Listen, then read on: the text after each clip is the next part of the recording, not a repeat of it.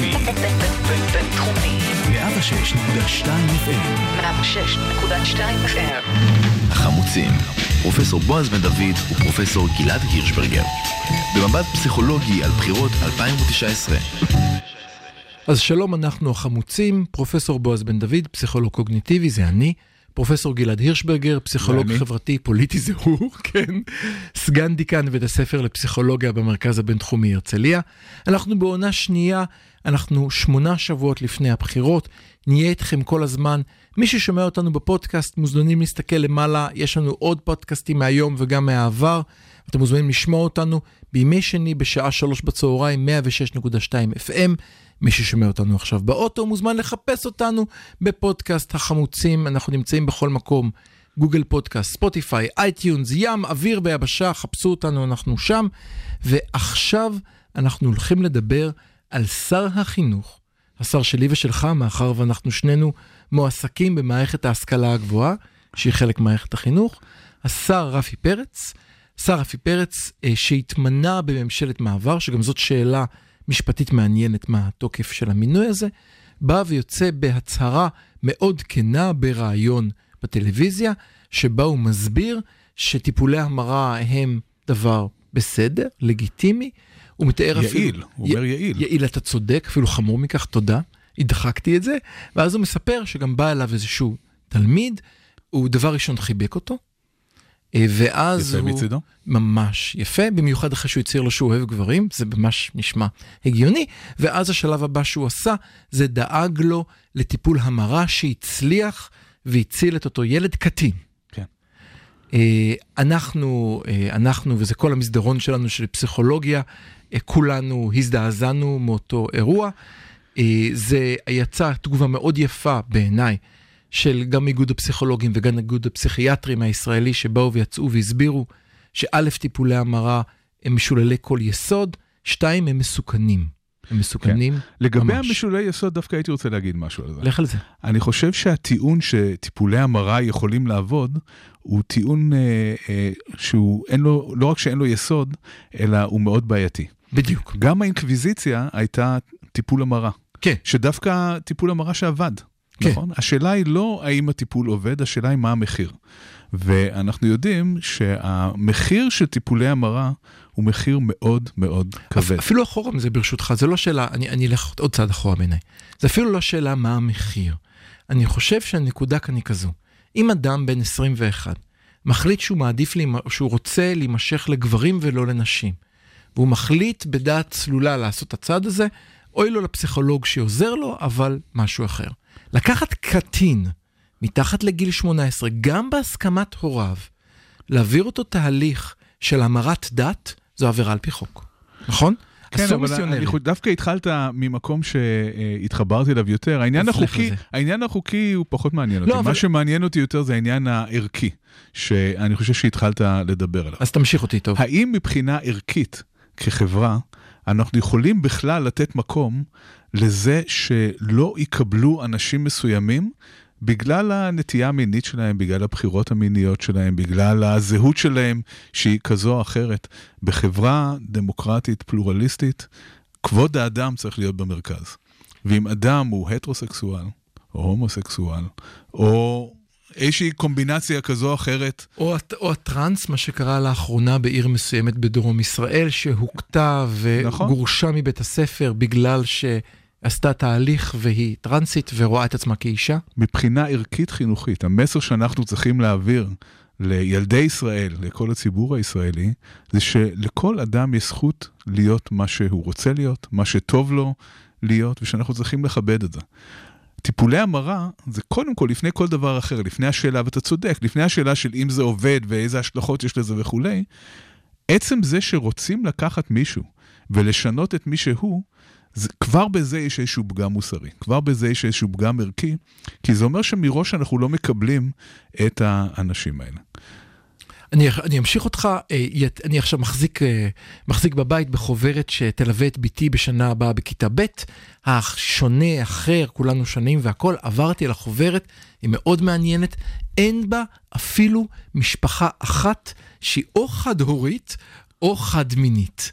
זאת אומרת, יש המון אחרים שם, הרבה מהאחרים הם דרך אגב חובשי כיפה לסוגיה, משפחה ערבית אחת בחוברת שלמה, ואף לא משפחה אחת מקהילת הלהט"ב. זאת אומרת, לקבל את האחר זה לקבל את האחר, ולא להעלים מה אותו המסר? מהספר.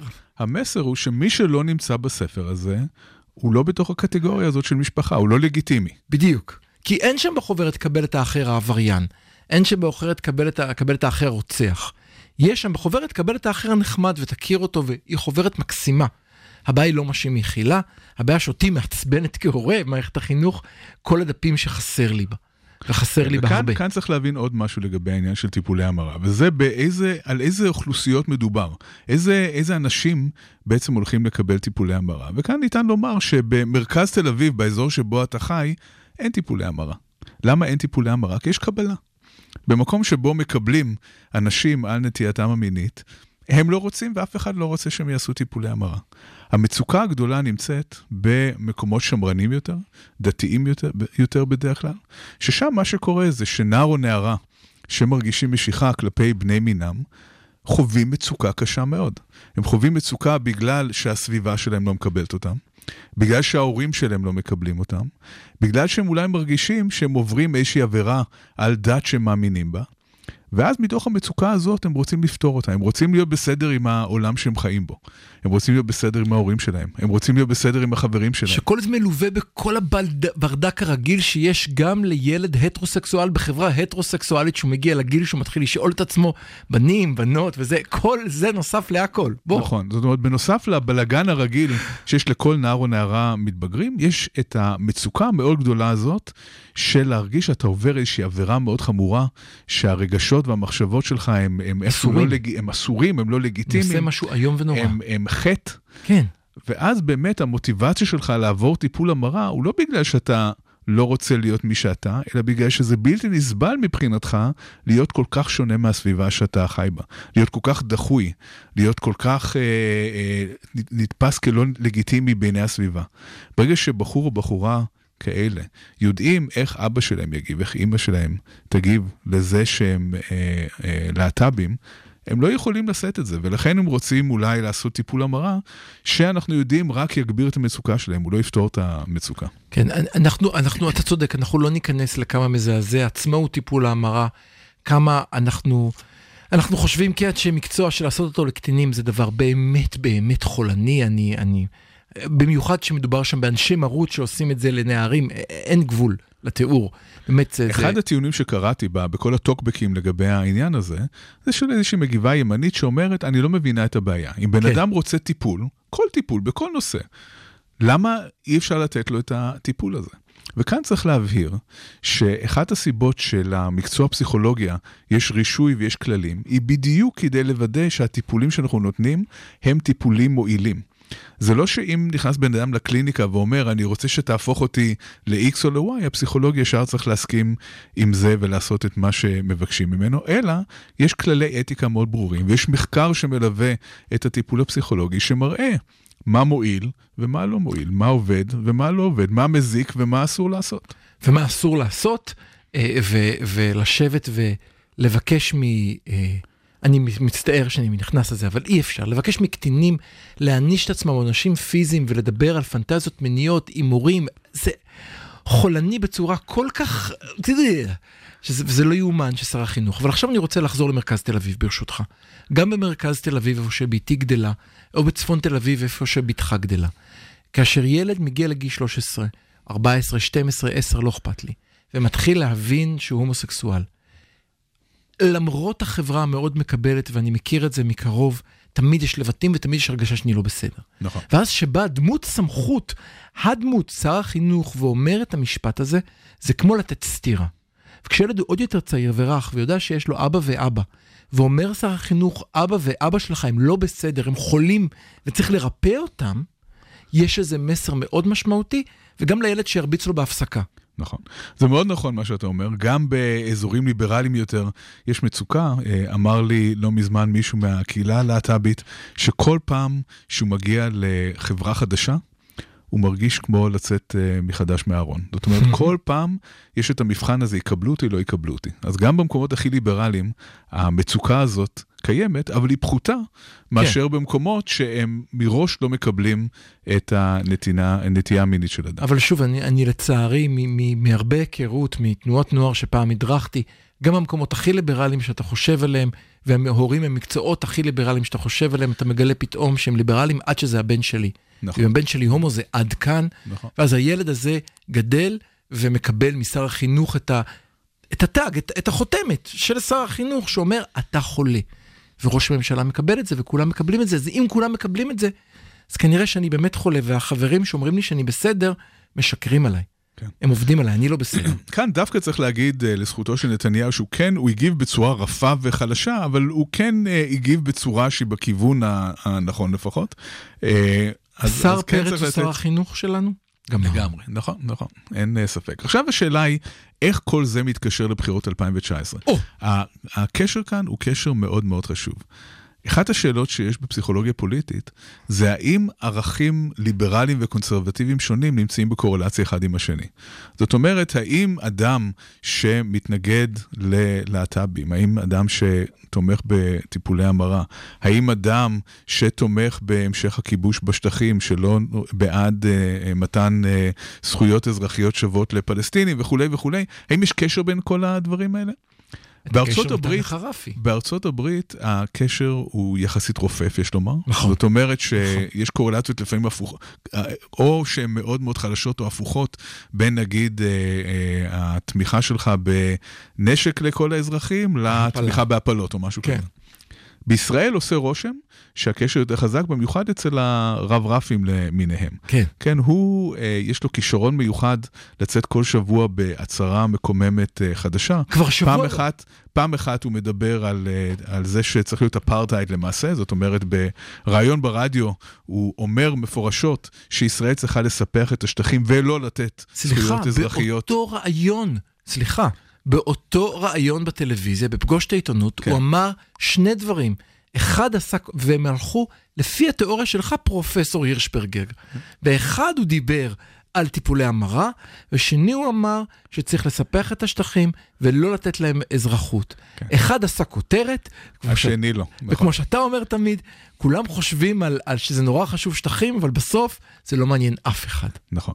אתה צודק, זה באמת uh, מתאים. Uh, עמוס בידרמן אפילו צייר קריקטורה uh, מאוד יפה על הנושא הזה, uh, שבו רואים uh, uh, את הרב פרץ מצביע על ציפור שצבועה בצבעי, בצבעי דגל הלהט"ב, ואומר תראו ציפור, ובינתיים יש אה, פלסטינים מדוכאים אה, מאחור. מעולה. כן, אז, אז אה, נכון מה שאתה אומר. הקישור לבחירות האלה, ש, שבסופו של דבר, למרות שהבחירות הן על הנושאים הטכניים שדיברנו עליהם, כן יש עניין ערכי מאוד חשוב שמדינת ישראל אה, עומדת בפניה, וזה האם אנחנו הולכים לאמץ את הערכים של הסמוטריצ'ים, של הרב רפים, או האם אנחנו הולכים אה, להמשיך להיות מדינה שעד היום היו לה ערכים אחרים. אז אני, אני רוצה אה, להוסיף עוד נדבך אחרון, למרות שיש לנו איזה דקה פה, ולא נספיק לדבר עליו. קורה כאן עוד משהו מאוד מאוד מעניין. יש קו במערכת הבחירות הזאת שהתחיל עוד במועד א', והקו הזה הוא מין. אה, איך תוקפים איך את... איך אתה יכול להגיד את זה בדקה האחרונה? בשביל ש... להשאיר למאזינים על מה לחשוב. אם יש לנו מנהיג שמאל שעולה, ישר חושבים שיש לו שוונץ, ואולי חשף אותו כשהוא היה ילד בן 12 בכפר הירוק. אם ברק נדמה לרגע שהוא יעלה, תח, תוקפים לו שהוא פדופיל. אם יש הומוסקסואלים, ישר דוחפים אותם לטיפולי המרה. האובססיה של הימין הדתי לנושאים מיניים זה נושא שהוא מרתק. ועוד לא התברנו בכלל נישואי תערובת. הוא מחייב, הוא מחייב שנעלה באוב את אה, פרויד, שהיה עושה חגיגה מכל מה שקורה בהקשר הזה. אז אנחנו פה הבטחנו כאן רשמית חגיגית פרק שבו נדבר על מין וימין. זה לא סתם חרוז, רומז לנו גלעד. אנחנו נסכם את הפרק. אנחנו דיברנו על שר החינוך. הרב רפי פרץ, שדיבר על טיפולי המרה, ואחר כך חצי חזר בו, אבל לא בדיוק חזר בו, והוא עדיין שר החינוך. אנחנו שנינו אמרנו וניצלנו לרגע את כובענו כאנשי מקצוע, שטיפולי המרה הם לא עמדה, ולדבר נגדם זה לא סתימת פיות, אלא טיפולי המרה הם פשע, שיוצאים נגד קבלת האחר ומסוכנים, לא רק שהם לא מילים, הם גם מסוכנים לחיי אדם, ועל כן להתנגד להם זה עמדה מקצועית, הייתי אומר. זאת עמדה של כל ארגוני הפסיכולוגים בכל העולם. בכל לא, העולם. זה לא משהו שיש בו איזשהו, אה, אה, לא קיים ויכוח לגבי הנושא הזה. כדור הארץ הוא עגול וטיפולי המרה הם מסוכנים. אני חושב שבזה סיכמנו את הנקודה. אז אנחנו החמוצים מוזמנים לשמוע אותנו גם שבוע הבא, יום שני בשעה 3, 106.2 FM, מבטיחים פרקים מעניינים, והפוליטיקה גם מבטיחה להיות מעניינת. אז להתראות, תודה רבה.